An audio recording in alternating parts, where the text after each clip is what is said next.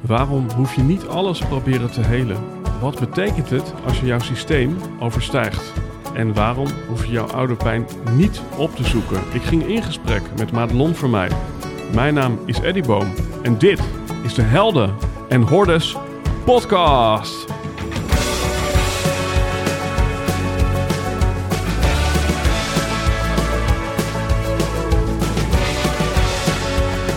De weg naar binnen is de enige weg die er werkelijk toe doet. De rest is afleiding. Wanneer je in staat bent continu je blik naar binnen te richten en aanwezig te zijn in alles wat zich daar aandient, kun je jezelf bevrijden van belastende patronen, conditioneringen en trauma's. Het zijn precies die belemmeringen op zielsniveau die je dagelijkse realiteit bepalen. Een familieopstelling slaat een brug tussen de realiteit die je ziet in het dagelijks leven en de realiteit op zielsniveau. De mind kan daar vaak weinig mee, maar de ziel begrijpt het volledig. Madelon is gepassioneerd begeleider en trainer van familieopstellingen. Ze praat graag over meestromen met het leven, familieopstellingen en dingen die regelrecht de ziel raken. Ladies en gentlemen, Madelon voor mij. Uh, we gaan het volgens mij voor het eerst in 123 afleveringen hebben over systemische opstellingen, ofwel familieopstellingen. Um, geen idee waarom dat zo lang heeft geduurd. Ik denk dat ik mijn eerste familieopstelling had vijf, misschien wel zeven jaar geleden of zo. Um, ik ben dat uh, ooit ja, in een retraite in Zweden ook ja, zelf gaan leren door middel van Playmobil poppetjes. En dan uh, kon je op Marktplaats Playmobil poppetjes kopen, want die waren toch wat, uh, wat duur. Die, die, die krengen die zijn 7 tot 10 euro per poppetje, of zelfs, zelfs 13 euro. En als je dus dan een stuk of 50 of 100 van die dingen nodig hebt, dus had ik via Marktplaats uh, zo'n hele zak. En toen uh, ja, bleken die dingen enorm naar sigaretten te ruiken. Ik denk, ja, daar kan ik niet echt mee oefenen, want dan komen er alleen daardoor al allemaal associaties met, met, met je verleden, met je opa die rookte en weet ik veel wat. Um, toen uh, ben ik gaan googlen van, kunnen Playmobil pops ook in de was? En dat konden ze. En um, ja, er staat zelfs een hele site voor waar je kan kijken op hoeveel graden wat voor poppetjes ja, gewassen moeten worden. Dus um, ja, dat is uh, mijn uh, ervaring met uh, systemische opstellingen. um, opmerkelijk verhaal wellicht om mee te starten. Misschien is het goed naar de luisteraar toe dat je even kort ja, weergeeft. Wat is nou eigenlijk een familieopstelling? Ja, dat is eigenlijk ook meteen een best wel lastige vraag om heel makkelijk te beantwoorden. Uh, maar ik zie familieopstellingen zelf eigenlijk als tool om te onderzoeken uh, wat er in de onderstroom mogelijk nog speelt, waardoor jij in het leven nu belastende patronen ervaart. Over. Mario valt. Ja, die is een andere plek in, de, in het systeem gekregen. Ja. Um, dat was ook de bedoeling. Ga, ga door. Um, een familieopstelling laat eigenlijk zien wat er mogelijk in het familiesysteem nog speelt, waar jij last van zou kunnen ervaren in het leven. Mm -hmm. um, en dat is heel plat gezegd een familieopstelling. Het is ja. eigenlijk een therapeutische vorm van werken, zo zou je het kunnen zien. Um, om eigenlijk uh, belastende patronen helder te maken, inzichtelijk te maken en mogelijk uh, daar beweging in te brengen voor jezelf. Om uh, je leven makkelijker en vrijer te maken. Ja, want dat is misschien meteen al ja, een nuance. Dat ik heb dan één keer in zo'n familieopstelling geparticipeerd. Misschien is dat ook goed dat je daar iets over vertelt. Van hoe ziet dat er dan uit? Ja, ja. Um, er zijn sowieso, misschien is dat goed om te weten, heel veel verschillende manieren van werken met familieopstellingen. Uh, de manier zoals ik hem toepas, zo zou je hem, uh, je zou een beweging van de ziel kunnen noemen. Sommige mensen noemen het ook wel het nieuwe opstellen, geloof ik, maar ik weet niet wie die term ooit bedacht heeft. En wat je daarmee doet, is dat je dus eigenlijk werkt in een groep. Er zijn dus meerdere mensen aanwezig, vaak ook meerdere mensen die dus met een bepaald thema lopen waar ze graag naar zouden willen kijken. En vaak zijn er dan ook representanten bij. En die representanten die staan alleen maar representant voor familieleden van degene die met een vraag komt. Um, en iemand die loopt bijvoorbeeld met een thema, bijvoorbeeld uh, ik heb moeite met uh, het me goed laten gaan, of ik heb last met uh, relatiedynamieken waar ik tegenaan loop. En dan als begeleider kies je dan representanten uit voor bijvoorbeeld de cliënt zelf, dus die met de vraag komt, um, voor de moeder van de cliënt, voor de vader. En die representanten gaan dan zelf een plek zoeken ergens in de ruimte. Uh, en dat laat eigenlijk de dynamiek zien die in de onderstroom speelt bij de cliënt. Um, en dat kan heel anders zijn dan dat je in de realiteit zeg maar, ziet in het dagelijks leven. En dat is ook een beetje die twee realiteiten uh, die er zijn, als ik het zo mag zeggen. En dat is puur mijn eigen ervaring natuurlijk. Je hebt de realiteit in het dagelijks leven die je ziet, dingen waar je tegenaan loopt in het leven. En de realiteit in de onderstroom, als het ware. Datgene wat er werkelijk speelt. Um, wat je mogelijk uh, niet kunt zien, wat onbewust is. En dat is wat je eigenlijk met een familieopstelling uh, naar de oppervlakte brengt, zodat je kunt kijken van hé, hey, wat zit er nou in die onderstroom, waardoor het in mijn dagelijkse realiteit niet stroomt. Ja. Ja, dus iemand staat op een plek in die ruimte en die vertoont misschien ook bepaald gedrag of wil zelfs bepaalde dingen zeggen of laat emoties zien. Ja. En dat is dan bijvoorbeeld uh, nou, je moeder of je vader of je opa. Dus jij bent zelf eigenlijk waarnemer, geloof ik, van, van, van het familiesysteem. Dus eigenlijk zou ik dat kunnen zeggen, of regisseur? Of... Um, op dat moment ben je nog waarnemer, inderdaad. En op een gegeven moment, op het moment dat we echt gaan kijken um, naar hedende bewegingen, hedende zinnen, dus echt dat er een interventie gaat plaatsvinden die jou gaat helpen om beweging te krijgen in datgene wat zich laat zien in die opstelling, dan werken we echt met de persoon met de vraag zelf. Dus die komt dan zelf in de opstelling en die gaat dan ook zelf ervaren hoe het is om daar te staan, om naar zijn of haar moeder te kijken of vader uh, en te ervaren wat dat uh, met hem of haar doet. Ja, want ik hoor je zeggen, mensen die kunnen dus ja, een andere gedaante aannemen dan hoe jij je vader of moeder of wie dan ook kent, of misschien ander gedrag vertonen dan wat je kent, omdat het dus eigenlijk over die onderlaag gaat. Ja. En toch is de keren dat ik het heb meegemaakt, zeiden mensen vaak: Oh, dat is heel raar. Want jij ja, representeert echt exact hoe mijn moeder is. Ja, en ook dat kan. Ook dat kan. Um, de ziel herkent het. En soms is het ook heel erg um, uh, sprekend zoals het ook in de realiteit zichtbaar is. Ja, dat kan absoluut. Ja. ja. En je zegt de ziel herkent het. Ik heb je al vaker ook in podcasts dat woord horen gebruiken. In, hoe, in hoeverre is er dus sprake van een spirituele component? En ja, in hoeverre is het ook heel praktisch ja, te verklaren allemaal ja. wat er gebeurt? Ja, um, goede vraag. Ik zie zelf, um, ik weet eigenlijk niet wat spiritualiteit zou moeten betekenen. Laat ik dat even voorop stellen. Ik heb eigenlijk geen idee wat dat zou moeten zijn. Um, hoe ik een opstelling zie, eigenlijk heel aards en heel praktisch. Omdat het heel helder laat zien wat je ergens misschien wel voelt op een onbewust niveau, maar waar je niet bij kunt komen. En zo'n opstelling maakt het eigenlijk heel duidelijk zichtbaar. Um, het brengt naar boven wat er in jou al leeft. Dus in die zin vind ik het eigenlijk heel erg aards en heel praktisch. Uh, en niet zweverig, wat sommige mensen misschien nog wel zouden kunnen denken. Ja, ik, ik kan me dat ook wel voorstellen, omdat je dus inderdaad, nou, noem het maar een toneelstukje, wat natuurlijk een beetje te klein klinkt voor wat er gebeurt, maar het zit in ieder geval niet in, in een soort filosofische gedachte of moeilijke beredenering. Het is echt praktisch aan het werk gaan. Ja, ja zeker.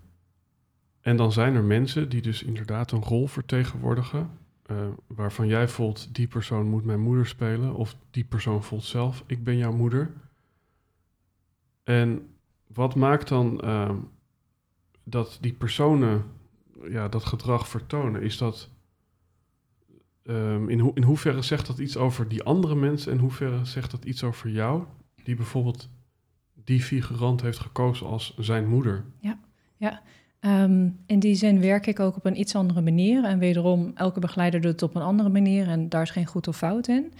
Um, ik als begeleider kies in die zin zelf um, de representanten uit. Dus ik laat niet de cliënt kiezen, omdat daar inderdaad ook allerlei ego-stukken natuurlijk achter kunnen zitten. Die gaat kijken, die denkt, oh ja, nou die vrouw die lijkt wel een beetje op mijn moeder, laat ik haar maar uitkiezen. Uh, dus er komt veel meer hoofd eigenlijk tussen te zitten. Ja. Ik als begeleider ken de cliënt niet, ken de representanten en, en deelnemers aan zo'n dag over het algemeen ook niet. Uh, dus kan veel natuurlijker, veel zuiverder eigenlijk, heel intuïtief kiezen uh, wie de representant mag staan. En daarin worden eigenlijk ook altijd eigen thema's geraakt. Dus je staat inderdaad niet alleen maar representant voor iemand anders, voor iemand anders opstelling of iemand anders proces, maar ook je eigen thema's worden daarin gegarandeerd geraakt. En dat blijkt ook altijd helemaal kloppend te zijn met de opstelling. Uh, dus niet alleen degene met een vraag heeft er profijt van en komt in beweging, maar ook degene die representant staat voor de vader of de, voor de moeder. En dat is dus ook de reden dat mensen zich opgeven zonder dat ze daar iets aan verdienen als representant. Ja, ja. ja. ja want ze hebben daar absoluut profijt van. Um, om dus representant te zijn voor, nou ja, voor een vader, voor een moeder. Een heel mooi voorbeeld daarin is bijvoorbeeld op het moment dat jij zelf heel veel oordeel hebt naar je vader, omdat hij misschien niet aanwezig was of misschien wel uh, het gezin verlaten heeft, ik zeg maar even wat. En jij wordt in een opstelling uitgenodigd als iemands vader, die dus datzelfde patroon mee heeft. En jij voelt helemaal op die plek zelf hoe dat voelt. Dat je er bijvoorbeeld wel heel graag zou willen zijn, of misschien voel je heel veel schaamte en schuld. En dat kan in jouw systeem ook weer heel veel in beweging zetten en kwartjes doen vallen. Dus zeker die rollen als representant kunnen ook voor je eigen proces en je eigen thema's echt heel erg veel in beweging zetten. Ja. Ik heb een keer iemand gehad die begon heel erg te trillen. Die speelde mij, of ja, speelde, ik weet niet of dat het juiste woord is. Representeerde. Ja, dus die representeerde mij en die begon heel erg op één been te staan en heel erg te trillen en dat was allemaal niet goed. En uiteindelijk, nou ja, dan verander je iets in het systeem en dan staat iemand weer helemaal tot rust te komen. En en dan is toch de scepticus in mij die, die zich dan afvraagt dat die persoon daar zo loopt te wankelen. Is dat omdat hij op een onderlaag iets in mij voelt wat wankelt? Of is het eigenlijk gewoon zijn eigen stuk en zou die op, in iedere andere opstelling ook die persoon zijn die representeert uh, ja, wat dat wankelen is, zeg maar? Ja, en heel simpel gezegd, zul je dat nooit zeker weten. Mhm. Dat weet je niet. Het enige wat belangrijk is eigenlijk, is hoe voel jij jezelf daarbij en wat heeft het bij jou in beweging gezet? En echt zeker weten of het alleen maar het thema van die persoon is, ja, dat weet je eigenlijk niet. Um, het hangt natuurlijk ook wel een beetje af van de kwaliteit van de begeleider. Een goede begeleider die tunt ook in eigenlijk en die voelt ook aan, dat, dat noemen ze systemische intuïtie, die voelt ook of iets wel of niet echt kloppend is binnen de opstelling en binnen datgene wat gezien wordt. Um, dus ik kan me goed voorstellen dat die sceptisch er is. Ik, meerdere mensen hebben hierover een last van, zeker mensen die graag dingen heel graag willen begrijpen. Uh, is ook natuurlijk een, een, vorm van controle kunnen hebben. Um, maar een goede begeleider voelt dat absoluut aan. Ja. ja. En dan is ook nog een, een praktisch gedeelte daarin. Hè? Eh, er zijn misschien luisteraars die al een heleboel hebben gedaan. Er zijn ook anderen die hebben misschien één gedaan of nul. Ja, is, is dit ja, hè, stel dat je bijvoorbeeld je eerste tien jaar opnieuw uh, gaat doorleven. Van je nulde tot je tiende levensjaar en hoe jouw familie of gezin systemisch was. Is dat dan iets wat je bij voorkeur ja, één keer laat opstellen en dan zet je iets recht en dan ga je door? Of is systemisch opstellen net zoiets als yoga wat je iedere vrijdagavond om zeven uur gaat doen? Dat zou ik sowieso niet doen, want dat is vrij heftig, kan ik je vertellen. Um, het is vooral een innerlijke beweging. Jij voelt van binnenuit gewoon simpelweg, dat zeggen ook veruit de meeste mensen die bij mij komen. Ik voelde gewoon dat ik hierbij moest zijn, dat ik hier nu iets mee mocht. Mhm. Vervolgens wordt iets gezien en in beweging gezet. En die beweging gaat in die onderstroom op onderbewuste laag die gaat gewoon verder. En dat kan, uh, dat kan je binnen, binnen een uur merken of op het moment zelf al. Dagen daarna, weken daarna, maanden daarna. Dat werkt simpelweg gewoon door. En jij voelt vanzelf wel, wanneer er weer iets omhoog komt, dat er weer een moment komt om weer zo'n opstelling een keer te doen. Uh, maar ik zou dat zeker niet uh, elke week doen. Dat heeft ook heel weinig nut, omdat jouw systeem tijd nodig heeft om ook te verwerken wat er in beweging is gezet. Um, jouw innerlijke proces is eigenlijk een heel natuurlijk proces en die heb je alleen maar te volgen. Dus wanneer jij merkt dat jij getriggerd wordt in het dagelijks leven op telkens dezelfde thema's, dan is dat een mooi signaal om daar eens een keer een opstelling mee te doen of naar te kijken van hé, hey, wat is dat nou eigenlijk wat hier gebeurt?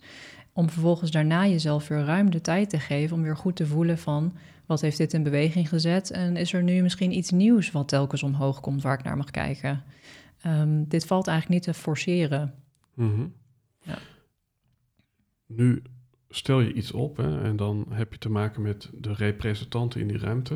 Maar je hebt dus ook te maken met het thuisfront. Dus jij stelt misschien je gezin opnieuw op.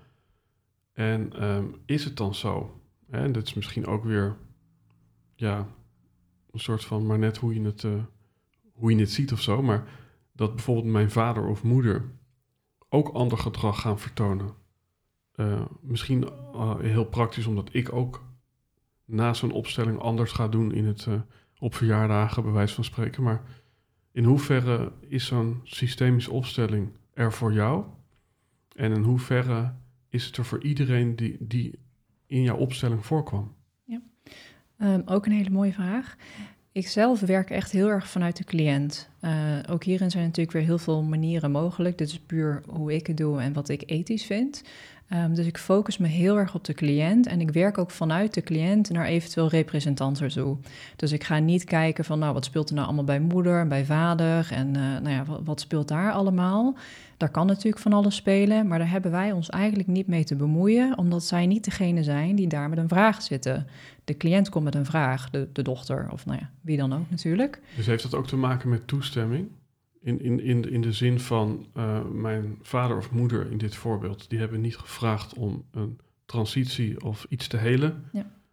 En daarom is het misschien ook niet uh, ja, mogelijk dat, die, dat, ja, dat zij die transformatie ondergaan nadat ik een stap heb gezet om een opstelling te doen. Ja, uh, dat zou zomaar wel kunnen, zomaar niet. Dat weet je natuurlijk ook niet van tevoren. Uh, maar hoe ik het in ieder geval zie, is dat je dus werkt vanuit degene die ook met een vraag komt. Ja, en op het moment dat diegene zich natuurlijk anders gaat gedragen en verhouden tegenover de ouders, dan zullen de ouders zich over het algemeen ook anders gaan gedragen. Ja, exact. Ja. ja. Uiteindelijk gaat opstellen over ook een stukje positionering, wat mijn vak eigenlijk is. Ik merk dat ik dat, hè, als ik dat nu zo zeg, denk wauw, dat is eigenlijk wel heel tof, want er zijn natuurlijk, waar jij het over hebt, bovenlagen en onderlagen. Dus wat je ziet en wat er onder uh, liggend aan drijfveren of uh, processen speelt. Het is eigenlijk bij mij net zo. Hè? Mensen die komen bij mij van, nou, doe mij maar een mooie slogan of uh, een, een, duidelijk verwoord verhaal. Maar uiteindelijk gaat het over positionering. En dat heeft dus te maken met doelgroep, dus ja, de andere mensen in het systeem. En heeft te maken met, met jij, jouzelf en, en dat wat je kon brengen. Maar uiteindelijk gaat het er ook in mijn vak om dat als jij op een positie staat waar ook anderen staan, nou, dan ervaar je heel praktisch concurrentie. En als je op een positie staat waar geen anderen staan, dan loop je jezelf en niemand anders in de weg. Is dat, is dat ook waar je naar op zoek bent in een, in een systemische opstelling, naar je, naar je eigen plek waar je, waar je niemand meer in de weg staat? Zou je dat zo kunnen zeggen? Ik weet niet of het per se zo is waar je dan niemand meer in de weg staat. Ik denk vooral jezelf niet meer in de weg staat. Uh, maar familieopstellingen zijn inderdaad bij uitstek een tool om je eigen plek weer in te nemen. Um, waar we vaak zien dat we als kinderen uh, tussen onze ouders in gaan staan, dus op gelijke hoogte gaan staan als onze ouders, of ze zelfs overstijgen. Uh, en dan sta je inderdaad niet meer op je eigen plek, maar dan ben je bijvoorbeeld de bemiddelaar tussen je ouders, als je even gaat kijken naar mm -hmm. gescheiden ouders bijvoorbeeld. Um, of dat je voor je ouders gaat zorgen op een manier die eigenlijk niet passend is. Um, of voor ze gaat dragen bepaalde dingen die eigenlijk helemaal niet jouw verantwoordelijkheid zijn. Ja, en dus dan zijn je ouders in een zeker opzicht niet helemaal volwassen geworden. Misschien zelf nog een stukje kind. En, um, en dus kan jij ja, op gelijke hoogte als, als, als hen komen. Hè, dat is misschien wel een diepgaande vraag, maar in hoeverre is het dan zo dat jij, ja, je hebt opgehoogd naar hun level? En in hoeverre zijn zij eigenlijk te laag bij de grond blijven hangen? Omdat ze nog niet helemaal volwassen geworden zijn. Ja, uh, en het feit dat jij stijgt, dus bij hen nou ja, op gelijke hoogte als het gaat staan of ze overstijgt, als het ware, of boven ze gaat staan, overstijgt is weer wat anders, maar boven gaat staan, uh, zegt ook dat je zelf nog innerlijk kind bent. Dus niet alleen je ouders zijn waarschijnlijk voor een groot deel eigenlijk nog qua bewustzijnsniveau dat van een kind of van een puber. Dat zijn veruit de meeste mensen overigens in de wereld.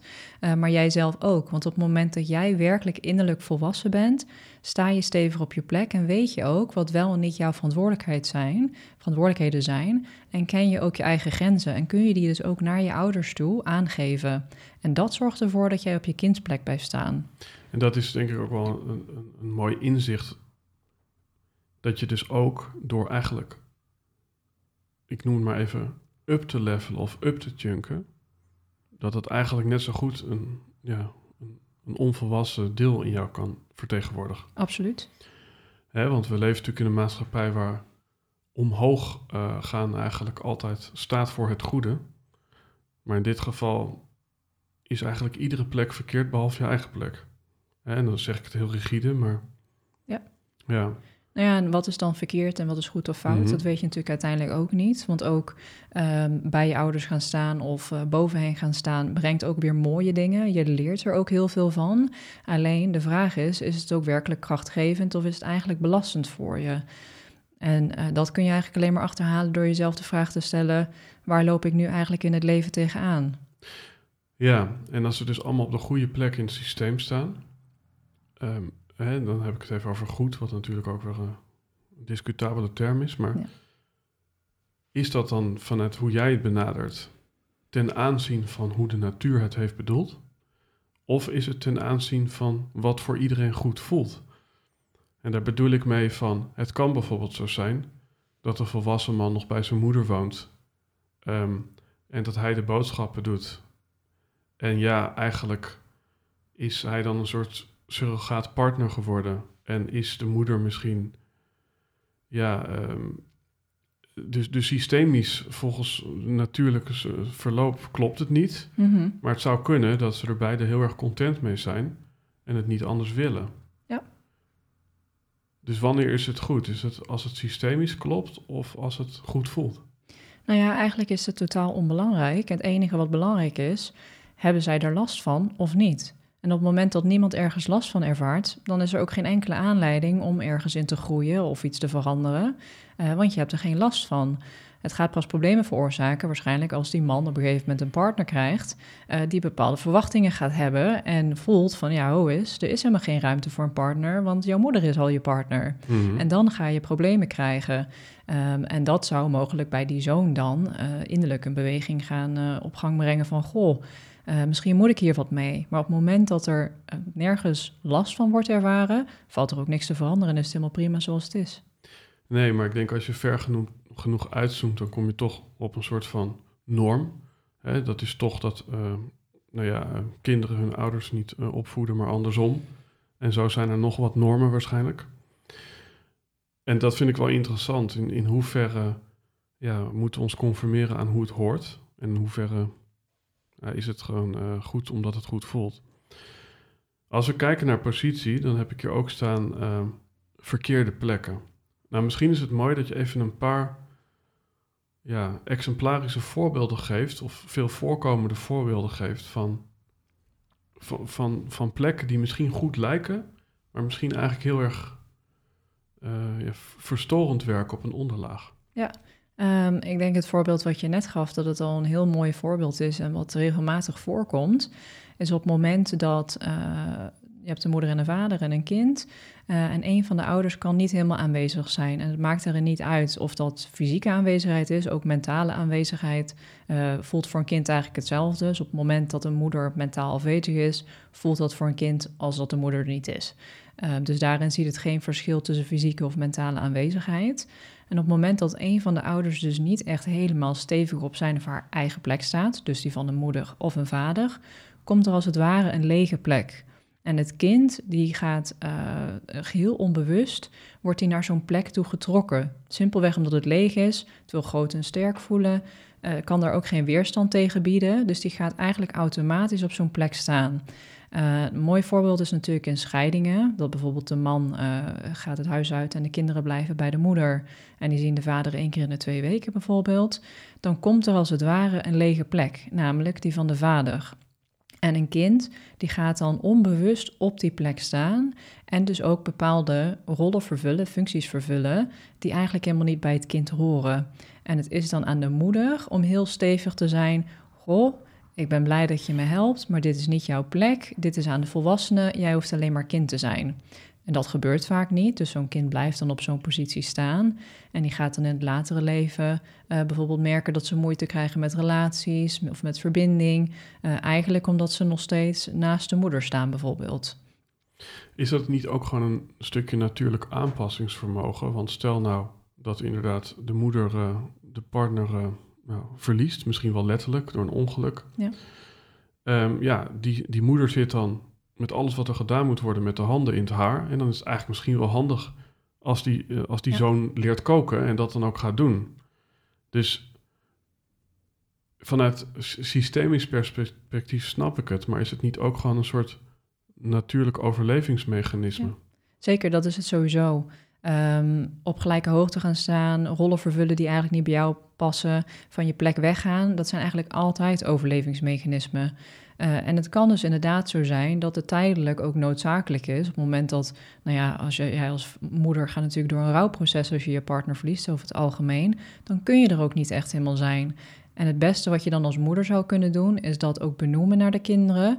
jullie hebben het goed gezien, goed gevoeld. Uh, mama had het ook even zwaar, maar nu kan ze het weer zelf. Mhm. Dus tijdelijk hoeft het ook helemaal niet zo erg te zijn dat een kind even opstijgt. Ja, en hier zit inderdaad het hele stuk volgens mij. Het, het, het woord waar we het telkens over hebben is overleven. En uh, overleven, ja, als je dat helemaal terugbrengt naar uh, hoe dat vroeger in de natuur ging, ja, dan kwam er één keer in de drie weken een sabeltandtijger achter je aan. En dan moest je even vijf minuten hijgen in een grot en dan was het klaar. Maar het zou natuurlijk niet de bedoeling moeten zijn dat jij drie weken achter elkaar constant in overlevingsmodus zit. Dus hoe komt dat dan, als ik eh, daar meteen even op doorpak, dat we geneigd zijn om in het overlevingspatroon te blijven hangen en niet op een gegeven moment te denken, nou, mijn moeder heeft een andere partner gevonden, ik hoef niet meer te koken, ik ga gewoon kind zijn. Ja, ehm, dat is natuurlijk sowieso een vraag. Ja, ik zou het eigenlijk niet weten. Dat even volgen. Ik heb al theorieën, maar zeker weten zal ik het natuurlijk nooit. Uh, maar het lijkt zo te werken dat kinderen daar simpelweg niet toe in staat zijn. Het brengt ze ook wat op het moment dat ze opstijgen, want ze staan op gelijke hoogte met de volwassenen. Dus het maakt je ook groot en belangrijk en sterk. Je wordt gezien, je krijgt erkenning. Dus het levert ook heel erg veel op. Dus die zullen ook niet zo snel die positie weggeven. Op het moment dat de moeder dus een nieuwe partner krijgt, zie je ook heel vaak. Dan laten we even een oudste zoon nemen bijvoorbeeld, die op de plek van de vader is gaan staan. Zie je heel vaak dat er een soort competitie ontstaat tussen die oudste zoon en de nieuwe partner. Ehm, en een kind is eigenlijk gewoon mentaal, laten we het zo benoemen, gewoon nog niet in staat om daar weerstand tegen te bieden. Die heeft daar gewoon nog te veel profijt bij. Ja, want je krijgt in, in zekere zin ook beloning, inderdaad. Want je krijgt eigenlijk eh, meer bestaansrecht. Ja. ja. Maar we hebben het nu over kinderen die, die daar niet uit kunnen stappen. En dat volg ik. Ja. Maar er kunnen dus ook ja, volwassenen zijn die nog steeds acteren alsof ze in het gezin met die vervangende vader zaten. Ja. Zeker. In een boek van Ilko Smit uh, heb ik ooit een hoofdstuk bedacht. Ehm, de schone schijn van het schoolplein. Dat heel veel volwassenen eigenlijk nog steeds indruk willen maken op het vriendje waar, ja, waar, je, waar je door gepest werd. Ja. Terwijl het vriendje misschien al in een ander land woont of dood is. Nou ja, kijk maar naar een gemiddelde kantooromgeving. Uh, als je ziet hoeveel uh, pesterijen en uh, nou ja, hoe kinderlijk, hoeveel kinderlijk gedrag daar eigenlijk nog plaatsvindt. Ja, ik denk dat de meeste volwassen mensen, fysiek volwassen mensen, voor een groot deel nog volledig in kindstukken zitten. Absoluut. Ja. En nu hebben we het eigenlijk daarover dat het fijn is om een gezonde volwassen te worden. Tegelijkertijd ja, zie ik ook veel om me heen dat we juist een behoefte hebben aan mogen we GVD weer even kind zijn. Dus um, waarin ja, in, in dat helingsproces wat ontstaan kan door een systemische opstelling, uh, ja, vindt dat stuk plaats. Nou ja, de paradox misschien wel is op het moment dat jij innerlijk volwassen wordt en echt vrij wordt om werkelijk jezelf te zijn, los van alle belemmerende patronen die je met je meedraagt, dan ontstaat er een speelsheid die veel natuurlijker is en helemaal bij je past en ook past bij je innerlijke volwassenheid. En de speelsheid die we nu heel erg zoeken of waar we naar verlangen is veel meer een beetje kinderachtige speelsheid misschien wel. Um, en op het moment dat je dat vanuit innerlijke volwassenheid gaat ervaren, is dat heel anders. En wordt dat veel vrijer eigenlijk en niet belast met allerlei ego-patronen en trauma's. Ja, ja ik, ik, ik snap wat je bedoelt. In, in hoeverre, dat is misschien een beetje een soort uh, ja, filosofische insteek hoor, maar. Um, nee, wacht, ik, ik ga het niet doen, sorry. nee, ik, ik kom er later op terug. Um, nou, ik heb hier, ik heb hier uh, um, staan, en dat is geloof ik iets wat jij letterlijk hebt gezegd, het overwinnen van het systeem. Overstijgen. Overstijgen van het systeem, ja. Wat bedoel je daarmee? Um, je wordt geboren, je komt hier ter wereld uh, binnen een systeem, een familiesysteem. Onder andere. En natuurlijk ook eigenlijk alles is een systeem. Dus ook de wereld is een systeem, het land is een systeem. Maar met name het familiesysteem, daar ben je onlosmakelijk mee verbonden. Het moment dat je geboren wordt en dan tot een leeftijd of, nou ja, laten we zeggen 14 of zo, weet ik veel, ben je eigenlijk nog volledig afhankelijk van dat familiesysteem. Uh, voor je overleving. En dit is gewoon een oerinstinct die wij nog hebben. Uh, je wordt geboren, je bent volledig kwetsbaar, dus je bent helemaal afhankelijk, in eerste instantie volledig van je moeder, uh, om te overleven. Dus je wilt onbewust ook binnen de norm passen. Dus je gaat je automatisch eigenlijk aanpassen aan de manier zoals we het hier doen, hoor je ook wel eens, hè? zo doen we het hier, of in mhm. deze familie. daar wil jij binnen passen. Dus je gaat je onbewust daaraan aanpassen, als ik het zo goed zeg, om zo goed mogelijk binnen die familie te horen. En dat is ook nodig. Dat geeft een bepaalde veiligheid en daarmee creëer je een persoonlijk geweten, zoals ze dat noemen. Dus je leert um, wat is goed, wat is oké binnen deze familie en wat zou er niet mogen. Dus je gaat voelen wanneer je je schuldig voelt en onschuldig. Op het moment dat jij binnen die familie past, voel je je heel onschuldig en kun je kind zijn. Op het moment dat je iets gaat doen wat afwijkt, ga je je schuldig voelen. Nou, en op een gegeven moment word je puber. En uh, als je in een gezond en een vrij systeem bent opgevoed, dan mag je lekker puberen. Hè? Dan mag je je eigen weg gaan ontdekken. Uh, mag je zelf gaan meten van, nou, wat is voor mij inderdaad uh, iets wat, wat voor mij de mhm. normen en de waarden zijn. Um, los van mijn familie. En vanuit daar kun je dan doorgroeien naar innerlijke volwassenheid. alleen de meeste families zijn nogal strikt in dit is hoe wij het hier doen en zo hoort het. Dus blijf je heel erg gebonden als het ware aan, uh, aan, die, aan dat familiegeweten, om het zo maar even te zeggen. En wat, wat is de prijs die je daarvoor mogelijk kan betalen? Um, dat je niet je eigen weg echt kunt gaan. Ja, want je zegt je eigen weg, maar de eigenzinnigheid, misschien is dat een, een kwestie van taal hoor, die vind ik juist terug in het feit van um, ik heb waarschijnlijk ook bepaalde conditioneringen van huis uit meegekregen, waardoor mensen nu regelmatig zeggen, ja, typisch Eddie. dus dus het, het, het je eigen weg, dat, uh, dat is dus iets anders dan dat eigenaardige gedrag wat jij hebt geleerd in je familie te vertonen. Natuurlijk neem je dingen mee van je, van, van, je familie. En dat is ook helemaal in orde. Het enige wat je eigenlijk zou willen overstijgen op een gegeven moment zijn de belastende patronen. en die kom je op een gegeven moment tegen uh, in het leven dat je merkt van, goh, hè, ik vind het wel heel moeilijk om het financieel mezelf goed te laten gaan bijvoorbeeld. Of het lukt me maar niet om een partner te houden. Of ik blijf maar hard werken om alles voor elkaar te krijgen. Dat zijn eigenlijk de dingen die je dus nou ja, ooit een keer hebt aangeleerd of mee hebt gekregen vanuit jouw familiesysteem, die je graag zou willen overstijgen. En daar zijn familieopstellingen dus heel erg voor bedoeld. Wat is het eindproduct van een familieopstelling? Is dat je bent je bewust van wat er heeft gespeeld of gebeurt er nog meer? Um, ook dit is weer afhankelijk van de manier van werken natuurlijk. Um, maar in de manier zoals ik hem toepas, en met mij natuurlijk meerdere, um, vindt de heling, de beweging plaats in de opstelling. Mhm. Dus je ziet iets, je krijgt inzichten, maar er gebeurt ook iets in jouw onderbewuste. Er komt mogelijk iets vrij. Stel nou dat je tegenover je moeder komt te staan en er komt een diep, diepe pijn naar boven. Daar kun je in die opstelling ruimte aan geven. En dat, die ruimte, zorgt ervoor dat je dat stukje los kunt laten en daar eigenlijk weer vrij van wordt. Dus je hoeft na een opstelling in principe niks meer te doen. Daar hoef je ook niet hard voor te werken, omdat het werk al plaatsvindt in de opstelling. Ja. En dat werkt simpelweg op onderbewuste laag door. En dan noem je het woord pijn. En dan heb je ook gezegd, uh, alles wat pijn weggaat is afleiding. Pijn uit de weg gaat is afleiding. Dus kan je dat toelichten?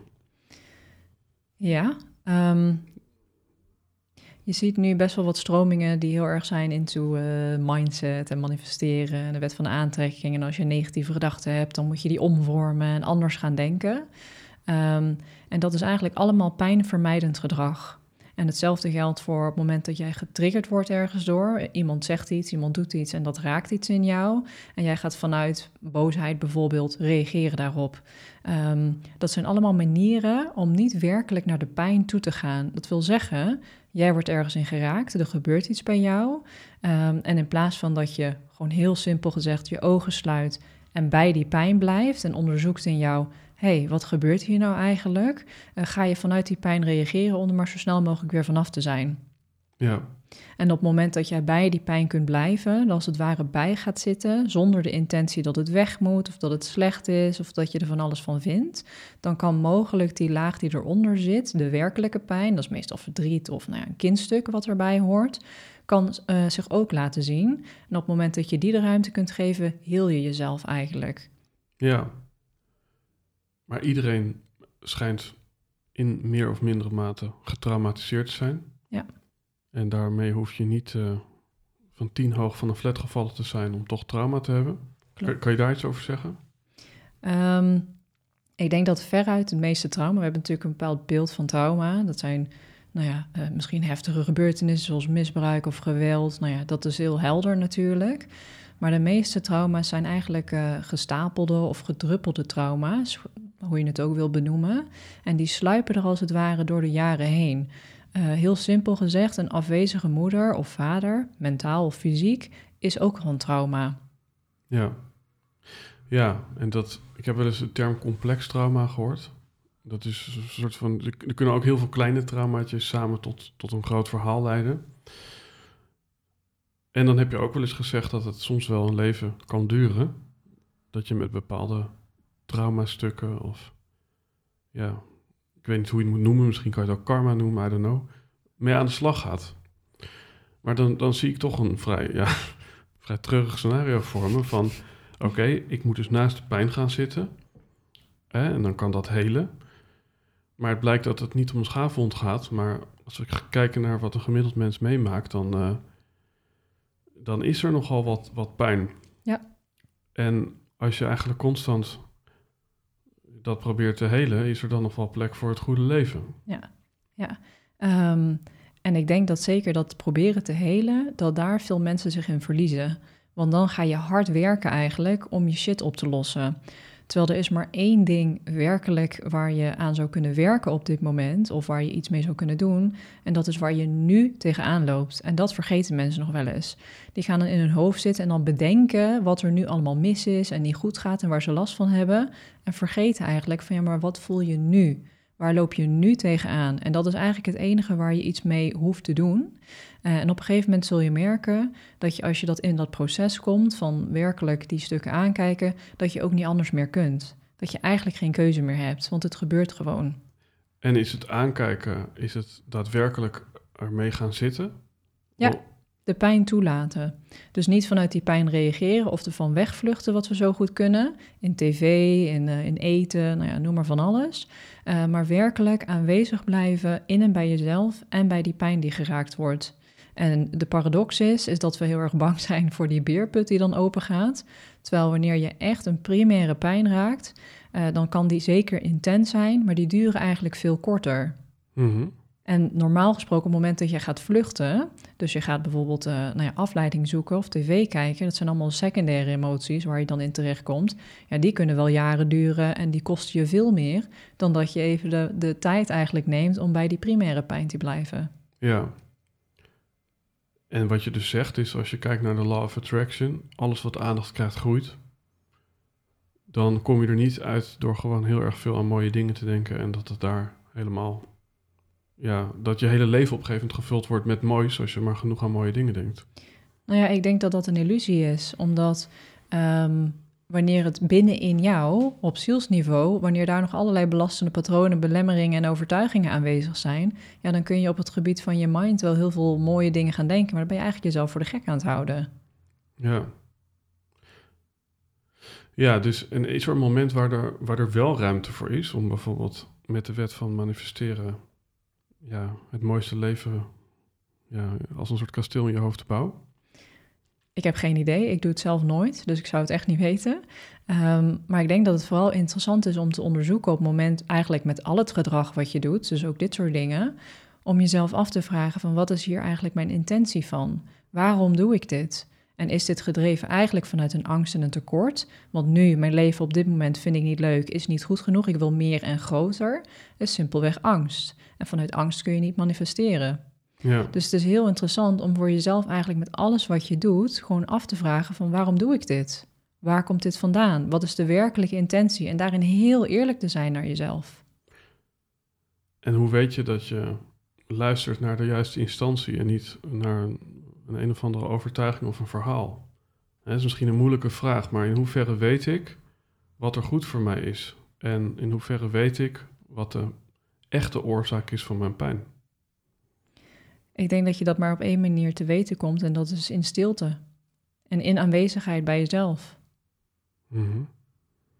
En het vooral eigenlijk niet willen weten, eh, maar jezelf de vrijheid geven om gewoon aanwezig te blijven en ruimte te geven aan alles wat er komt. Ja, en dan hebben we het in, op het praktische niveau, dus ook over het alleen zijn in stilte en niet alleen over het in een groep zijn in de vorm van een systemische opstelling. Ja, ik denk dat uh, veruit de meeste heling, en nou, dat, daar ben ik eigenlijk wel redelijk van overtuigd, um, vindt eigenlijk plaats in het dagelijks leven. Dus uh, wanneer jij uh, getriggerd wordt in situaties, je komt iemand tegen, die zegt iets, die doet iets met, dat doet iets met jou, je komt in een situatie terecht, dat doet iets met jou, het raakt iets in jou. En eigenlijk jouw capaciteit om in die momenten in en bij jezelf aanwezig te blijven en ja te zeggen tegen dat wat er komt, zonder daarvanuit te handelen en te reageren, er simpelweg bij te zijn, daar vindt de meeste heling plaats. En niet in alles het werk wat je doet, alle familieopstellingen of uh, ademsessies of noem maar uh, wat je dan allemaal wil doen. Uh, het zijn natuurlijk prachtige tools die er zijn om je daarin te begeleiden en in te helpen, zeker. Um, maar je hebt het in die zin niet nodig. Het is eigenlijk niet nodig. Op het moment dat jij werkelijk in staat bent om gewoon aanwezig te blijven bij jezelf, kun je alles de ruimte geven wat er in jou gebeurt. En dat is helend. Nou ja, en toch hè, het, hetzelfde met bijvoorbeeld, uh, nou, uh, noem maar relatietherapie of, of, of mannencirkels of ijsbaden of wat er allemaal bestaat tegenwoordig. Kijk, er is natuurlijk wel zoiets als het oog kan zichzelf niet zien. En ik heb dan een audiodagboek van inmiddels, geloof 800 uur met gesprekken met mezelf. Ja, dat is ongeveer. Ik ken niemand die dat op die manier doet. Dus dat, dat werkt voor mij. Ook omdat het heel erg mijn manier is. Dus ik ga dan s'avonds in bed liggen en dan zeg ik welke dag het was. En dan kijk ik eigenlijk ook vaak mijn stukken aan. En toch ja, merk ik dat als ik dan bijvoorbeeld in zo'n groepsessie zit, in een mannencirkel, dat mensen daar mij op stukken spiegelen. Ja. Die, die ik toch onvoldoende in staat was om bij mezelf uh, ja, te ontdekken. Ja, ja. Dus, dus, dus geloof je dat je in je eentje zeg maar kan ontdekken wat er allemaal speelt? Of heb je er altijd anderen voor nodig? Um, nee, ik denk zeker dat je die spiegels nodig hebt.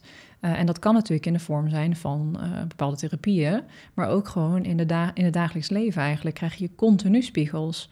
Alle mensen in je leven, iedereen die je tegenkomt, zijn allemaal spiegels op het moment dat het iets met jou doet. Um, en daarmee wil ik niet zeggen dat je het allemaal uh, alleen moet oplossen, maar je moet het wel zelf aangaan. En ja. dat, dat is eigenlijk een beetje de, de sleutelfactor waar ik het over heb. Je moet het zelf aangaan. Je hoeft niet alleen te doen, maar je moet het wel zelf doen. En daar kunnen natuurlijk tools zoals familieopstellingen gewoon heel erg helpend in zijn om daar te komen, absoluut. Ik ben de laatste die dat ontkent. Uh, maar ook ander werk natuurlijk. Eigenlijk alles wat naar de pijn toe gaat, uh, is uh, prachtig om te doen. Um, maar uiteindelijk, in de kern, heb je het niet in die zin nodig. Want ja. je zou het wel ook zelf, en uiteindelijk moet je dat ook zelf aangaan. Ja, ik ben het helemaal met je eens. Hè. Um, het naar de pijn toe durven bewegen. En ik heb toevallig laatst een methode gehoord. Ik, uh, volgens mij heet dat de Alexander-methode uit mijn hoofd.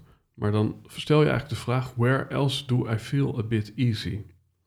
Dus je gaat in je lijf, hè, je hebt bijvoorbeeld hoofdpijn, je gaat in je lijf naar een plek waar het easy voelt. En nou ja, daar gaat dan je hele aandacht naartoe. En is een soort van zon. Ja, een soort van dijt dat gebied uit naar misschien wel die hoofdpijn. En dan is het daar ook weg. Ik, um, ik, ik ben het heel erg met, met, met jouw filosofie eens. En tegelijkertijd ja, kan het ook misschien wel iets zelfmasochistisch worden om gewoon ja, altijd maar de pijn op te zoeken. Hè? Wij spreken iedere dag op hete kolen te gaan lopen, alleen nog maar koud te douchen. Hè? Dus, dus, dus wanneer is het ook tijd om de pijn even los te laten? Is, is, daar, is daar genoeg ruimte voor? Ja, um, het is ook niet een, een werken wat je doet. Je bent eigenlijk niet op zoek. Het dient zich aan. Ja. En dat is een uh, belangrijk verschil, want wat je vaak ziet bij mensen die in, op dit pad zitten eh, van innerlijke groei, is dat ze maar bezig blijven met, oh, nou ja, dit is ook niet goed, laat ik daar ook nog maar een familieopstelling op doen. Of, oh, en dit loopt ook nog niet lekker, laat ik daar ook nog maar even dit voor doen. Dus die zijn heel hard aan het werken om eigenlijk in zichzelf van alles te fixen, um, omdat het er eigenlijk allemaal niet mag zijn. Die zijn eigenlijk op zoek naar iets wat ze kunnen fixen. Uh, terwijl het dient zich aan.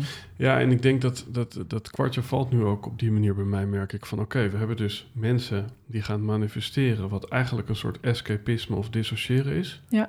Maar het vanuit controle constant op zoek gaan naar de pijn, daar zit ook iets in van het mag er niet zijn, het moet zo snel mogelijk weg. Ja. Dus laten we nu maar de hele shebang aanpakken. Exact dat. En dat werkt niet. Nee. Ook dat komt vanuit ego. Die wil dat. Ja. Dus kijken wat er zich aandient. En dat is misschien ook een, een, mooi bruggetje naar jou. We hebben elkaar natuurlijk vorig jaar gesproken in de vorm van een samenwerking. En nu geef je eigenlijk aan van ja, mijn werk stroomt gewoon. Omdat ik gewoon eigenlijk handel vanuit wat er via mij tot uiting wil komen. Is, Misschien is het mooi dat je daar iets meer over vertelt. Ik denk dat mensen er heel nieuwsgierig naar zijn. Of het nou is wat zich aandient in de vorm van pijn of in de vorm van purpose, wat allebei met een P is. Maar wat, uh, want, want, want, volgens mij is het daarna ook totaal anders gegaan in je hele ondernemerschap. Ja, ehm, het is ook wel een lastig uit te leggen verhaal, denk ik. Het is nogal ongrijpbaar. Um, maar als ik gewoon even mijn eigen proces van de afgelopen vijf jaar bekijk, ik ben nu vijf jaar ondernemer. En ik denk dat ik zeker, nou ja, ik denk wel vier jaar in de uh, hard werken modus heb gezeten. Dus ik deed alles, of nou ja, alles. Ik heb heel veel gedaan vanuit het hoofd. Uh, zeker in het begin, zeker de beginjaren, was ik alleen maar bezig met strategie en marketing en, doelgroep. En hoe kan ik het allemaal zo goed mogelijk neerzetten, funnels, klanten binnenhalen. Uh, dus het was heel erg vanuit trekken. En dat heeft me heel veel gebracht, want ik heb er gewoon een succesvol bedrijf van neer kunnen zetten. Dus het was ook een hele mooie reis. Maar ik voelde ook steeds meer van ja, maar dit klopt eigenlijk niet bij me. Het voelt helemaal niet goed om op zo'n gestructureerde manier zo'n salesgesprek te hebben en dan iemand over te moeten halen om toch uh, in te stappen of klant te worden of met uh, uh, schaarste te werken. Nou ja, de mhm. marketingtrucjes zeg maar. Het begon me steeds meer tegen te staan, maar ook mijn manier van werken klopte steeds minder. Um, en op een gegeven moment kwam er gewoon een punt dat ik aan alles voelde uh, en dat heeft te maken ook met mijn innerlijke proces. Dus ik ben natuurlijk telkens uh, in mezelf uh, ook gaan onderzoeken van hé, hey, waar, waar stroomt het niet? Um, waar belemmer ik mezelf eigenlijk nog steeds? Ja. dus die weg naar binnen weer gaan afleggen, naar de pijn toe. Um, tot er een punt kwam dat ik gewoon zo helder voelde: ik wil mezelf geen dag langer meer verlogenen, op geen enkele manier. En dus ook niet in mijn onderneming. En toen heb ik eigenlijk alles wat ik heb staan, heb ik ook gewoon gedelete. Uh, mijn funnels, uh, mijn doelgroep, mijn uh, aanbod dat ik op dat moment had. Um, en in mezelf gezakt, in stilte gezakt en heel eerlijk aan mezelf gevraagd: als ik nu echt de angst los durf te laten, wat zou ik dan werkelijk het liefste willen doen? Waar voel ik daar, waar ik naartoe bewogen word? En in mij was gewoon een klein stemmetje die zei van je moet gewoon opstellingsdagen gaan doen, familieopstellingen gaan doen. Daar mag jouw focus gaan liggen. Ja, mooi. En dat ben ik toen neer gaan, gaan zetten. En dat stroomde dus ook direct. En dat kun je als signaal ook zien op het moment dat je zelf heel veel stroperigheid in je onderneming ervaart en heel hard werken is. Ja, stroom je wel echt met het leven mee? Of ben je eigenlijk iets aan het doen wat stiekem toch vanuit nou ja, bepaalde ego-delen of trauma komt? Ja. Vaak zit er bewijsdrang achter, of erkenning, of gezien willen worden. Meer, meer, meer. is ook echt zo'n zo'n ego-verlangen. Um, en daarin heb ik voor mezelf gewoon echt een proces doorlopen in de afgelopen vijf jaar om echt te ontdekken van ja, los van, van het ego, wat voel ik van binnenuit dat kloppend is? Ja, nou ik, ik, ik vind het een, uh, een zijsprongetje waar voor mij ook heel veel waarde in zit, omdat ik help natuurlijk ondernemers ook met positioneren en het ja, pakken en blijven staan op een plek. Ja. Hè, en daar zit ook een stukje doelgroep in. Maar er is denk ik wel een hele belangrijke nuance die, uh, die, die, ik zie. En dat is, uh, ik, ik neem dan even 365 dagen succesvol als voorbeeld. Want de eigenaar daarvan, David de Kok, die heeft ook later Eagle Lodges, ceremonies gestart. En waarin eigenlijk de propositie bij 365 dagen ja, ook wel gebaseerd was op wat we net beschreven. Dat is misschien interpretatie, maar zo zie ik het wel. Op een stukje marketing, uitreiken, eh, een beetje push, uh, goede strategie, ehm, adverteren enzovoort. En, en dat liep. Hè, dat ging hartstikke goed. En dat paste misschien ook super bij die tijd. En in de basis kan dat misschien nog steeds. Alleen dat was dus niet zozeer gericht op wat verlangen ze van mij en, en wat, wat werkt er, hè, principes en systemen, maar het was meer gebaseerd op. Dus wat er daarna kwam, dat was dat David letterlijk zei: Ik zit in de hut, ik giet, uh, ik giet het water en je bent welkom. En die bleef daar gewoon zitten en uh, bleef daar lang genoeg zitten. Dus daar, in cursus en wondere termen is daar geduld en vertrouwen voor nodig. Oneindig geduld sorteert onmiddellijk effect, wordt er gezegd. En op een gegeven moment begonnen mensen die plek te ontdekken. Maar er zat helemaal geen outreach in. Dus het is niet zoiets in van, ik ga die benaderen, ik ga die benaderen. Daar ga ik adverteren. Dus het is een soort omgekeerd positioneren. Maar het heeft wel in beide gevallen te maken met, met, met, met een plek in het systeem. Of, en dan is het systeem even de ondernemersmarkt en niet je, je gezin. Maar dat, laat ik zo zeggen, dat is wat ik uit jouw verhaal haal.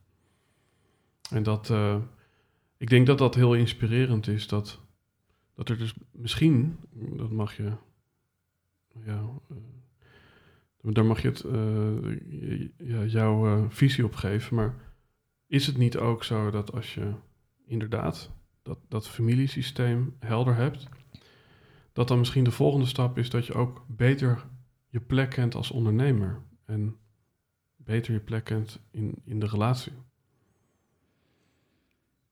Ja, en wat mijn vraag vooral is, wat, wat bedoel jij precies met mijn plek als ondernemer?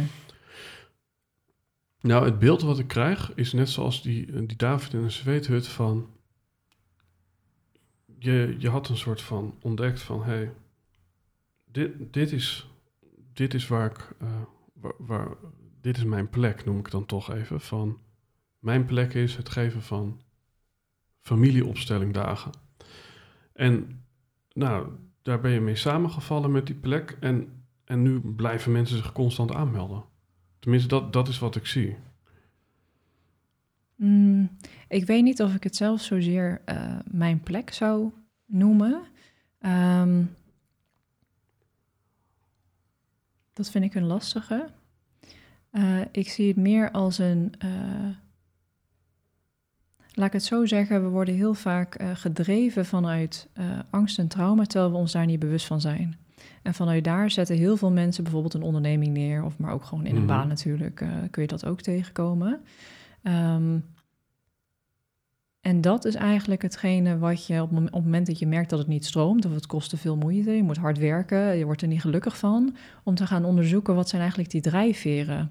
Want dat is 9 van de 10 keer gewoon angst en trauma. Op het moment dat je daar uh, doorheen beweegt, dan ga je uh, vanuit een hele andere manier ook ondernemen. Dan komt het veel meer van binnenuit en onderneem je eigenlijk de acties uh, die helemaal van binnenuit komen. En dan merk je vaak ook dat je veel minder gaat doen, waar je voorheen misschien de hele week heel druk was. Ga je veel minder doen, ben je veel meer gewoon aanwezig en voel je dan van binnenuit een impuls tot een actie. Ja. Bijvoorbeeld om, oh, ik ga nu eens een post online zetten. En dan vloept die tekst er ook gewoon zo uit. Of, ja. oh, ik voel in één keer de innerlijke beweging, een tweedaagse van iets. Oh, Ja, laat ik dat eens gaan doen. Ehm, dus, en, en dan laat je eigenlijk ook meteen het resultaat daarvan ook los. Want je voelt dat dit van binnenuit komt, dus je zet het gewoon neer. En als dan blijkt dat niemand erop afkomt, oké, nou ja, het zal wel een reden hebben. Misschien voor een andere keer, het zal wel een functie hebben, geen idee, prima. En dan laat je het ook weer los. Ehm, dus het is een hele andere manier van eh, zijn eigenlijk. En ik noem het eigenlijk bijna niet eens meer ondernemen. Nee, hoe zou je het dan doen? Heb je er een woord voor? Meestromen. Ja, Ik denk dat dat, dat dat nog het meest gepaste woord is. onder meegaan. Ja, Ehm, ja, nou ja, meestromen, ja, kijk. Nou ja, goed, het is meer dat ik hè, bij, bij zo'n systemische opstelling, dan, dan hebben we het eerder gehad over, ja, je, het kan zijn dat je op een plek staat die, die, die, die, die niet helemaal vitaal is. Hè, dus dan is er toch sprake van een plek waar je staat en een plek waar, waar je beter kunt gaan staan, omdat het dan meer gaat stromen. Ja. Dus in die zin, ja, dat is misschien een beetje formulering, maar is, is er in mijn opvatting toch sprake van... je bent op een andere manier gepositioneerd uh, in, in, in je onderneming, uh, waardoor het stroomt. Of je, je, hebt, je hebt meer je eigen plek gevonden, toch? Hè? Ja, en ik denk ook um, dat dit misschien meer van belang is op het moment dat je een bedrijf hebt met echt medewerkers. Als je echt ZZP'er of een eenmanszaak hebt, dan is er eigenlijk bijna geen verschil tussen jou als mens en jouw bedrijf. Mm -hmm. Het is eigenlijk gewoon één. Hoe jij je van binnen voelt, wat jij van binnen, ja. hoe jij van binnen erbij zit, laat ik het zo zeggen, dat is wat je gespiegeld krijgt in je onderneming. Op het moment dat je een groter bedrijf hebt en je hebt echt nou ja, een gelaagde organisatie, om het zo maar te zeggen, dan is die impact veel kleiner. En dan heb je zeker echt een juiste plek in jouw organisatie. Mm -hmm. um, misschien dat ik het daarom ook lastig vond om antwoord te geven op je vraag, omdat eigenlijk, ja, als jij ZZP'er bent, is jouw plek in het bedrijf eigenlijk hetzelfde als jouw plek in je familie. Ja, mooi. Het is eigenlijk hetzelfde. Nou, in die zin komen we wel een soort van, is de cirkel wel rond, omdat, omdat mijn soort van interpretatie was, uh, als je je familiesysteem, ja, als je, als je daar meer berusting hebt gevonden in je plek, dan ja, dat dat dan ook doorvertaalt naar die andere gebieden. Maar dat, dat, is logisch, want dat is eigenlijk hetzelfde. Ja, absoluut. Ja. Eigenlijk alles, jouw hele realiteit, um, is een spiegel van wat er in jou speelt. En dat komt eigenlijk 9 van de 10 keer vanuit je familiesysteem. Ja, nou, wat ik een mooi voorbeeld om kort aan te halen vind, is dat ik voor een online training die ik nu aan het bouwen ben, een soort van heel eigenzinnig, soort jaren tachtig ja, uitstraling heb gecreëerd. En daarin kreeg ik dus de reactie van mensen: ja, maar kunnen mensen dat niet ervaren zo en zo? En is dat eigenlijk wel goed voor je verkoop? En uh, heeft dat niet de associatie met dat bedrijf wat heel erg kitsch was of met die reclame? Hm. Maar toen was er iemand anders en die zei: Ja, maar als we nu naar die emotieladder kijken, dan is joy een hele hoge trilling. En uh, als jij dus in joy zit, dan heb je een hele goede trilling waar heel veel mensen bij willen zijn of bij willen horen. Dus dan kan je kiezen of ik doe het conventionele, wat misschien er dan heel anders uit had gezien. Maar waarin ik zelf eigenlijk uh, ja, een soort van helemaal geen joy uithaal. Mm -hmm. Ja, en dan kom je op dat, dat wat er strategisch werkt, maar waar, je, waar trilling eigenlijk heel laag is, of dat wat er. En dan kom je op een mooi stuk van eigenlijk is het dan toch zo simpel als doe wat je hartje ingeeft ja. en dan trek je ook hele fijne dingen aan. Exact dat. En op het moment dat, dat zo'n creatie helemaal vanuit een innerlijke beweging komt, dan, ja, heel plat gezegd, maakt het geen hol uit hoe die app eruit ziet. Want diegenen die daarmee resoneren, die gaan daar toch wel in mee. Uh, het is het ego en de mind die het dan weer gaat overnemen, die dan gaat bedenken, ja, maar is dit strategisch wel slim en zou je dit wel moeten doen? En trek ja. je dan wel de goede mensen aan? Wanneer het echt van binnenuit komt, komen die mensen toch wel.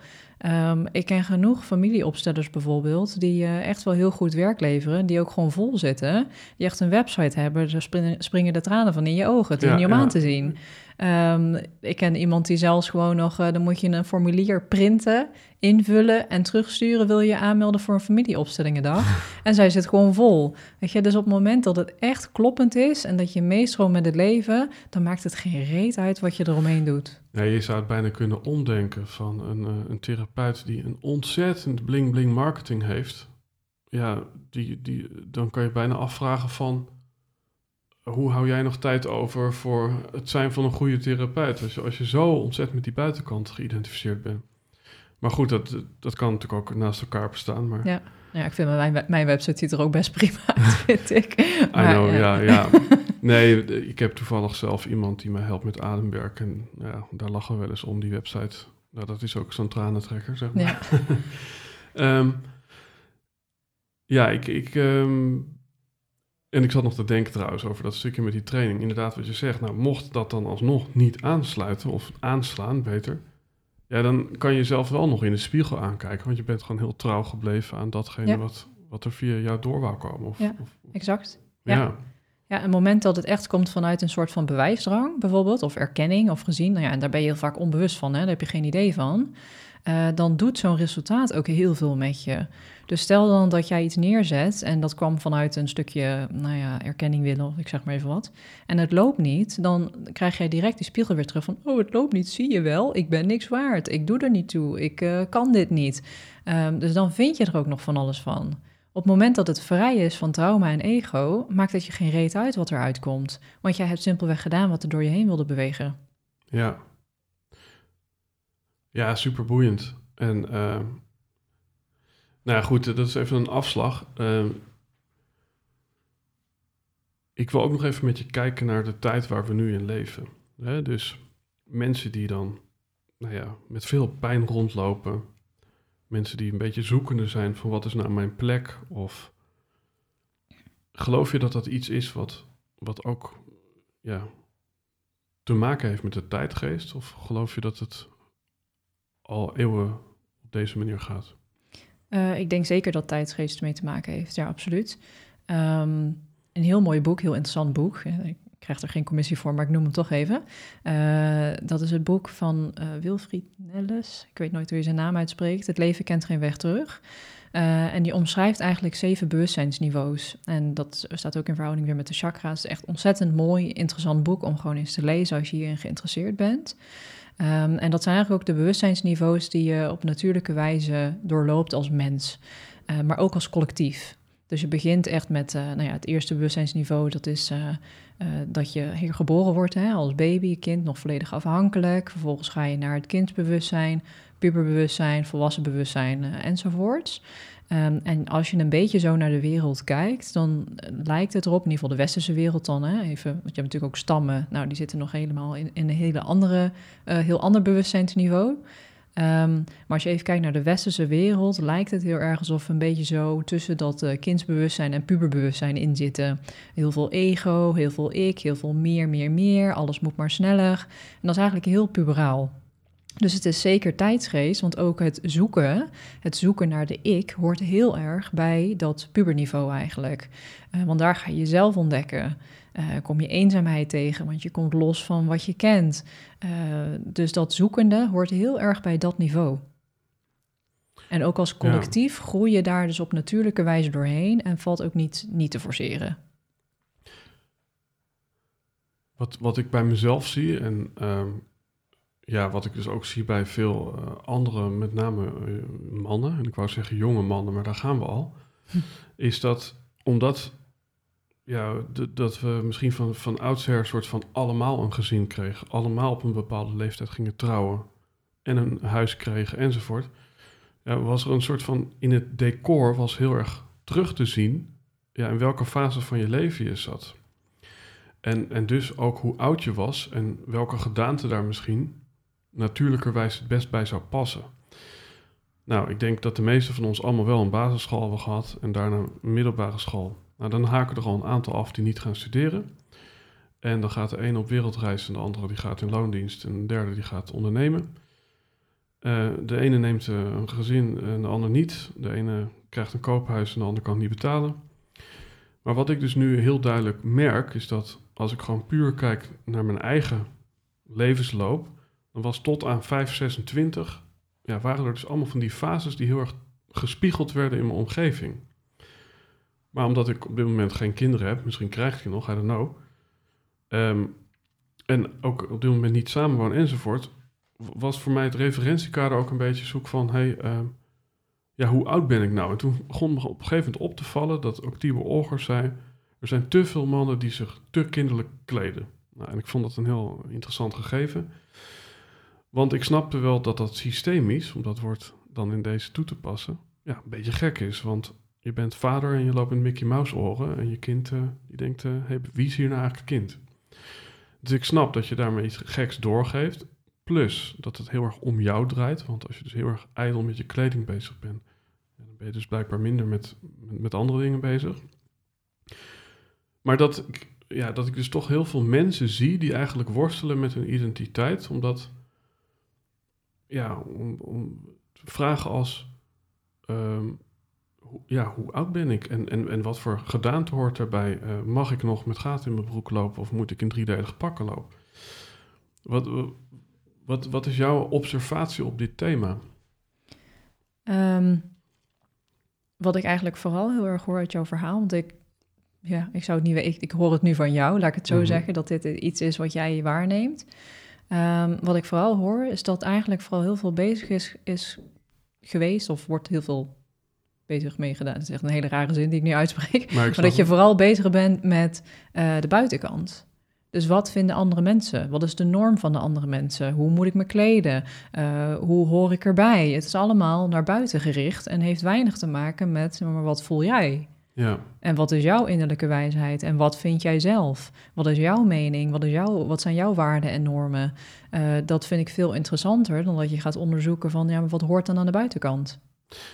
Ja, en toch is er vanuit een soort natuurlijke blauwdruk wel enige logica geboden bij een volwassen man die niet nog uh, met, uh, met Lego in de kamer speelt. En wie zegt dat? Um, nou ja, en, en, dit is dus het mooie, want ik noem nu even dit thema, maar eigenlijk als we hem iets groter trekken, dan heb ik de laatste tijd zoveel posts gezien over vrouwen die X verwachten in een man en wat een man zou moeten zijn. Um, maar misschien ook wel vrouwen onderling. En ik noem expres niet mannen naar vrouwen, want dat zie ik wat minder. Maar vrouwen onderling ook. Van ja, je moet toch wel, uh, nu de mogelijkheden er zijn, echt wel flink ondernemend zijn als vrouw. Dus je staat toch een beetje voor lul als je zegt: uh, ik wil gewoon moeder zijn en, uh, that's it. Dus, dus er zijn heel veel, ja, ik weet niet hoe je dat moet noemen. Zijn dat normen of ongeschreven regels? waar we Waardoor we constant het gevoel hebben, we voldoen niet, we voldoen niet. Ja, en heel lullig gezegd misschien, dit is allemaal trauma. Dit zijn allemaal kindstukken. Op het moment dat jij je nog heel erg laat beïnvloeden door de norm en zoals het hoort en wat andere mensen vinden, is, is allemaal kindspijn. Het heeft niks te maken met innerlijke volwassenheid. Want als jij werkelijk innerlijk volwassen bent, kan iedereen eh, nou ja, van alles vinden en zeggen hoe het zou moeten horen uh, en wat jij zou moeten doen en wat wel en niet normaal is. En doet het jou simpelweg niks, omdat jij zelf wel voelt wat voor jou kloppend is. Ja. En dat is eigenlijk hetzelfde als waar we het eerder over hadden met dat overstijgen van dat systeem. Uh, dus op het moment dat jij dus jouw familiesysteem overstijgt en werkelijk je eigen normen en waarden uh, gaat ontdekken, uh, overstijg je vaak ook de andere systemen die gelden. En natuurlijk, nou ja, dien je nog soort van te functioneren in deze maatschappij. Daar zitten natuurlijk al richtlijnen en regels aan. Um, maar je hoeft je zeker niet te conformeren. Want dan verlogen je jezelf eigenlijk om er soort van bij te horen. En dat hoort heel erg bij het kindsbewustzijn, erbij willen horen. Ja. Nou, mooi. En ik denk dat je daar wel twee woorden noemt waar, waar een belangrijke nuances zitten in het verschil. Uh, het eerste woord is trouwens door mezelf, maar je, je hebt het gemak van hoe het altijd al was en daarin blijven hangen. En wat er klopt. Ja. Hè, want wat er klopt is dus niet hetzelfde als... Oh, het is eigenlijk wel makkelijk om gewoon een kind te blijven. Ja. Want wat er klopt is soms ook dat je de pijn opzoekt. Ja. En ik denk dat dat dat, uh, dat dat wel een belangrijke nuance is, omdat je... Ja, je, je hoeft niet te voldoen aan het systeem, maar je hoeft ook niet te blijven hangen in in, in, je, in je oude routines. En zeker niet als het slechte functionerende copingmechanismen zijn. Ja, zeker als je ergens last van ervaart, dan zou ik dat niet doen, nee. En is dat opnieuw dan de stilte opzoeken om, om, om te kijken wat klopt er eigenlijk bij mij en voor mij? Uh, zeker die weg naar binnen afleggen, ja. Uh, en mogelijk is het zo dat je eerst nog door flink wat uh, ego-lagen en trauma heen moet worstelen... voordat je überhaupt een glimp gaat krijgen van wat voor jou kloppend is. Ja. En wat jouw innerlijke wijsheid is. Want dat kan zoveel, nou ja, er kan achter zoveel sluiers ondertussen zitten dat je het eigenlijk niet eens meer kunt zien. En dat zijn ook vaak mensen die bijvoorbeeld echt zeggen van ja, ik, ik weet niet eens meer wie ik zelf eigenlijk ben. Ja. En dat klopt ook, omdat er allemaal ego en trauma als het ware als een soort van uh, build-up zo omheen zit. Je kunt jezelf ook niet meer werkelijk zien. Dus je zult eerst die weg door, door die pijn heen moeten afleggen voordat je überhaupt erbij komt van hé, hey, maar wat, wat wil ik eigenlijk? Ja. Wat zegt mijn wijsheid? Wat zegt mijn beweging? Ja, en, en de ontwikkeling die dan, en dat is misschien ook allemaal projectie hoor, maar die ik dan zie over dit soort thema's van uh, een man moet, moet minimaal zijn eigen gewicht kunnen tillen. Um, een, een, een vrouw moet eigenlijk open en ontvankelijk kunnen zijn ten alle tijden. Of, hè, het zijn allemaal van die. Ja, ik krijg het er benauwd van, omdat ik daarbij dus voel van. Het zit allemaal op gedragsniveau. Hè, dus het is, het is bijna alsof je een toneelspel speelt. Van nou, weet je wat, uh, mijn vrouw komt binnen, ik ga even met een rechte rug lopen. Maar, maar het zit natuurlijk helemaal niet op, op het niveau van. Uh... En is de volgorde dan, is de volgorde dan wat jou betreft eerst ja, het doorleven van pijnstukken en dan revealed als het ware aan jou wat je kernwaarden zijn en wat je met je leven wil? Ik denk dat dat de enige manier is. Op het moment dat jij nog niet door je ego heen gaat, namelijk, en, en die stukken in jezelf gaat opzoeken waar nog pijn zit, uh, blijf jij vanuit die pijnstukken functioneren. Dus alles wat je vanuit daar eigenlijk doet en onderneemt, komt, nou ja, per definitie vanuit ego, zou je bijna kunnen zeggen. Op het moment dat je daar doorheen gaat en je langzaam los gaat maken van dat soort belastende patronen die daar vanuit voortkomen, dan pas kun je werkelijk ontdekken wat er als het ware onder ligt en wat je werkelijk wilt. Ja. En dat proces, dat hoort simpelweg bij het leven. Daar is niks mis mee. Het is ook niet verkeerd als je dingen doet vanuit je ego. Uh, want ik ben ook vanuit mijn ego coach geworden. Ik ben vanuit mijn ego ondernemer geworden. Ik ben vanuit mijn ego NLP gaan doen. Uh, ben vanuit mijn ego zelfs organisatieopstellingen gaan doen. Daar is niks mis mee, want het brengt je altijd weer verder. Uh, waar het mogelijk wel ruimte ontstaat om de diepte in te gaan en jezelf werkelijk te ontdekken. Het is allemaal noodzakelijk onderdeel van het proces. Nee, ik vind dat een hele vitale gedachte. Ik moet denken aan een cursus in wonderen van... Uh, dat gaat over de gelukkige leerling van... Ja, uh, zolang je leert, zou je eigenlijk gelukkig moeten zijn. Dus misschien erachter komen dat je vanuit ego iets hebt gedaan dat het verkeerde was. Oké, ik heb een les geleerd. En nu we toch over een cursus in wonderen spreken, ben je daar een beetje in, in thuis? Echt geen idee. Oké, want um, nou ja, dat is denk ik onmogelijk om, om, om daar uh, een soort van samenvatting van te geven. Maar een cursus in wonderen heeft veel van dien met de wereld van de non-dualiteit. Dus eigenlijk de gedachte van alles is één, alles gebeurt gewoon. Uh, jij en ik zijn een illusie, we zijn allemaal onderdeel van een collectieve stroom energie. Er is geen oorzaak en gevolg, want alles gebeurt nu. En dan kijkend naar bijvoorbeeld pijnstukken, ja,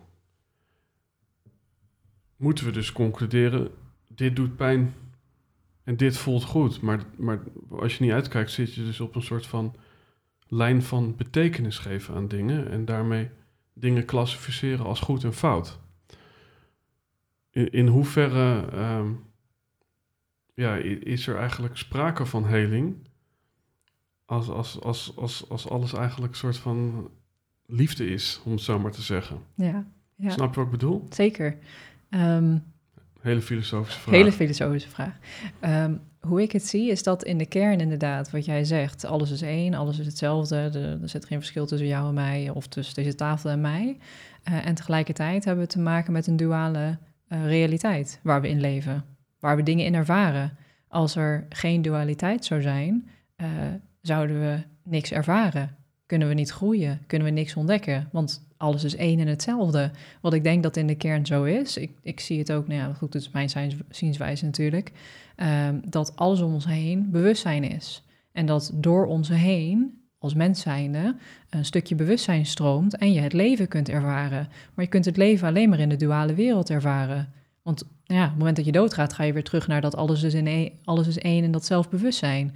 Um, dus ik denk zeker dat het in de kern zo is, maar dat we ook te maken hebben met een duale realiteit waar we simpelweg in leven. Ja. Anders word je een soort van, ja, als je werkelijk helemaal dat loslaat, dan word je een soort van monnik die alleen maar stil in een god zitten mediteren. En denk je, is dat dan de zin van het leven? Volgens mij mag je genieten van het leven. Ja. En zijn we hier juist om ervaringen op te doen. En is dat mijn inziens de bedoeling, uh, om die ervaringen op te doen. En die kun je alleen maar ervaren in een duale realiteit. En is het genieten hier ook het genieten van, het klinkt heel masochistisch, maar van pijn? Ik bedoel... Um ik denk dat je in zekere zin van pijn, uh, nou ja, genieten is misschien een groot woord. Uh, maar wat ik zelf wel merk op het moment dat er bij mij nog een stukje pijn wordt geraakt, uh, dat ik het wel verwelkom.